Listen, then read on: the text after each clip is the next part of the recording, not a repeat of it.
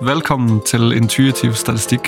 En podkast hvor jeg, Rune Sahl Olsen, og Jeg, Thomas Bjergård Bertelsen, samtaler om statistikk.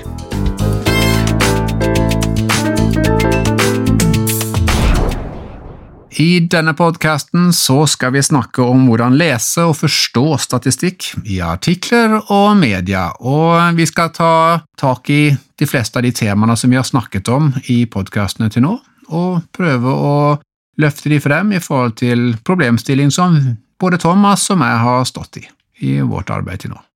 Eh, Det er ikke så lenge siden jeg så på lokalnyhetene. Da sa de at eh, den behandlinga som du forsker på, Thomas, den er rett og slett den beste i landet. mm. ja, Og det er jo ganske stilig. det er veldig, veldig stilig. Det er veldig kult, og vi har veldig gode resultater. Men i forhold til å forstå statistikken i det, da er det veldig viktig å tenke over at, eh, at disse funnene at vi er best på, det er ut fra én definisjon av hvordan måle det å være syk eller frisk. Hvordan da? den måte som vi målte på, som er typisk i feltet, det er jo at man ja, ved hjelp av et intervju lager noen kategorier der du sier at ok, hvis du er på et visst nivå, da er du eh, ikke frisk, og hvis du er under det nivået, så er du frisk. Mm. Men du kunne også ha- delt dette enda mer i kategorier fra 0 til 8, som er det skalaen egentlig går på. Men det er typisk å dele på fire.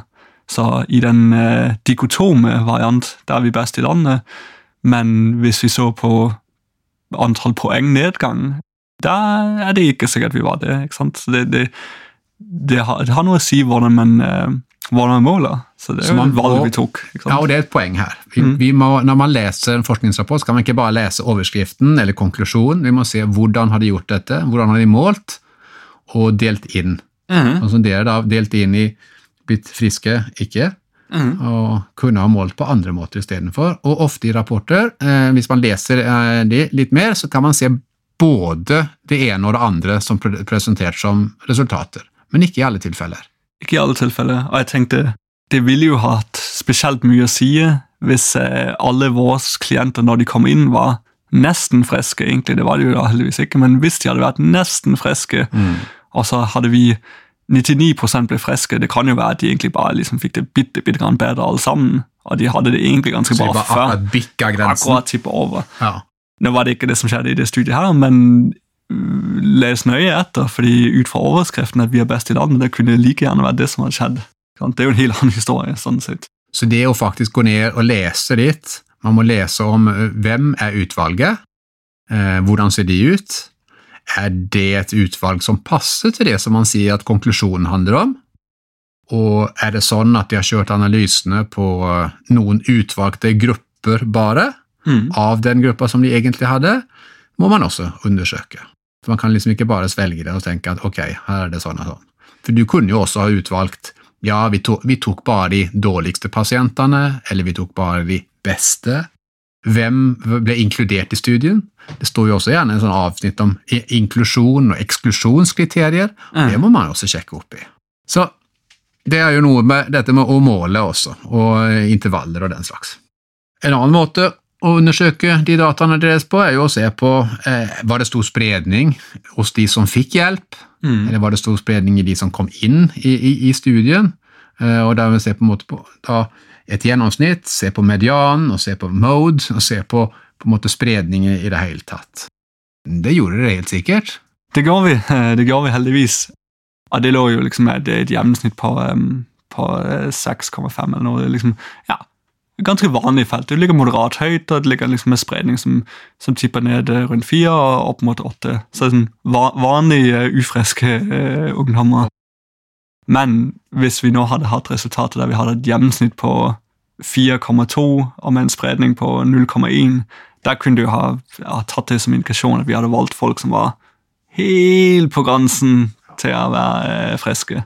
Og Da skal vi ikke gå inn i disse begrepene, men vi hadde variasjonsbredde, vi snakket om og variansen her som vi jobba innom, men også da klinisk og ikke klinisk. Og det ble jo da selvfølgelig vurdert.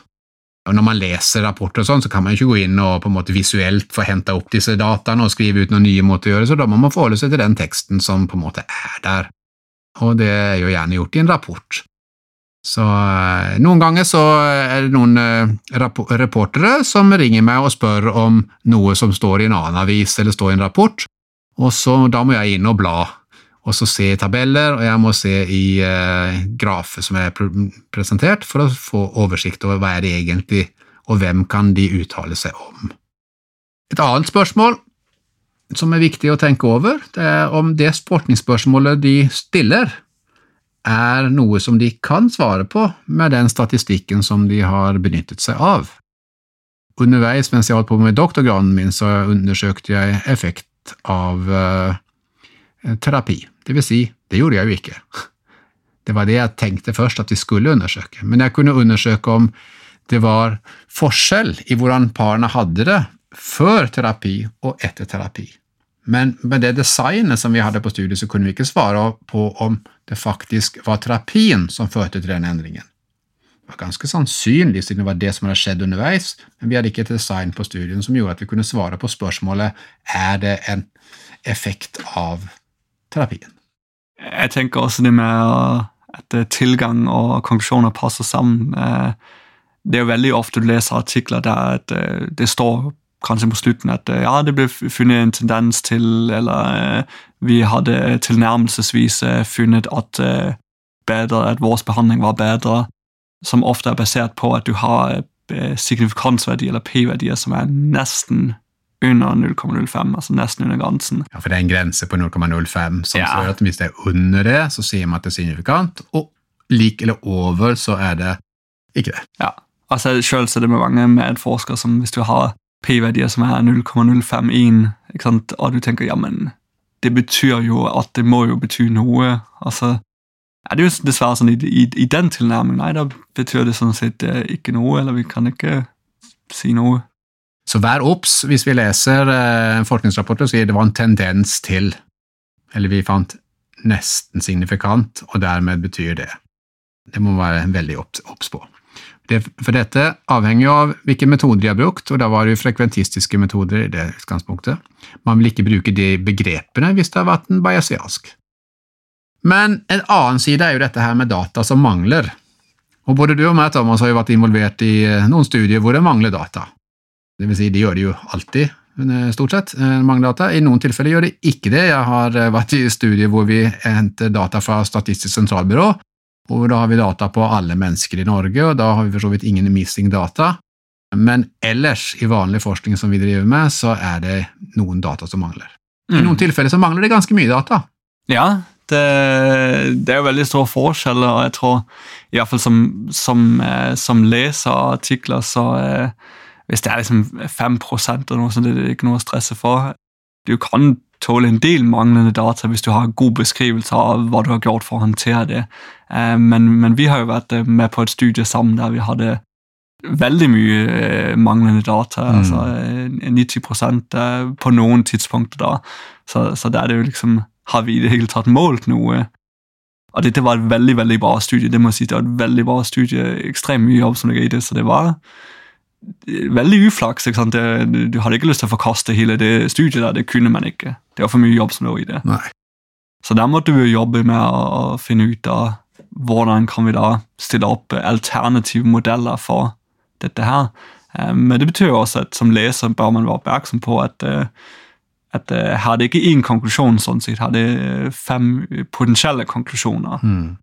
Så da ble det importering av data, Eh, Og så konklusjonen hvis dette er tilfellet, så blir det sånn, og hvis det er ditt tilfelle, så er det sånn, videre. Det er altså ganske mange måte, forbehold for den ene eller andre konklusjonen i, i den dataen. Jeg Har eh, en studie som jeg tenker over, som jeg las eh, på nytt for ikke så lenge siden. De hadde over 30 eh, missing data fra start til slutt. De målte ved før behandling og etter behandling. Og i den ene gruppa så mangla det altså på en måte 30 Og så tok de, de hadde ikke importert noe data, de hadde ikke gjort noen ting med dette. Og da begynner jeg, ja, men hvorfor mangler det så mange i den ene og ikke den andre gruppen? Hva handler det om? Kan du ta en konklusjon uten å gjøre noe med dette? Så det er i hvert fall noe man må finne ut av når man leser det. For det står jo selvfølgelig ikke på konklusjonssiden, det står jo inne i analysene eller eventuelt på eh, restrictions eller et eller annet eh, som eh, er en annen avdeling av eh, artiklene. Da. da er det tid for en liten oppsummering, Thomas. Ja, i dag har vi snakket om hvordan lese forskning, hvordan forstå forskningsartikler. Og vi har snakket om, hvor viktig det er å forstå definitionen og det, man måler på, og se på, om det stemmer overens med det spørsmål man faktisk lurer på.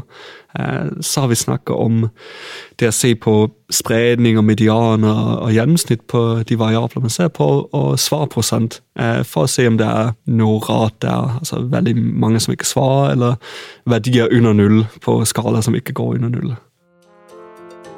Både du og meg, Thomas, jobber som forskere ved Avdeling for barn og unges psykiske helse ved Sørlandet sykehus i Kristiansand. Vi vil gjerne si takk til Sørlandet sykehus og vår kollega Semia Mojcik, som sammen med en pasient lager signaturmelodien.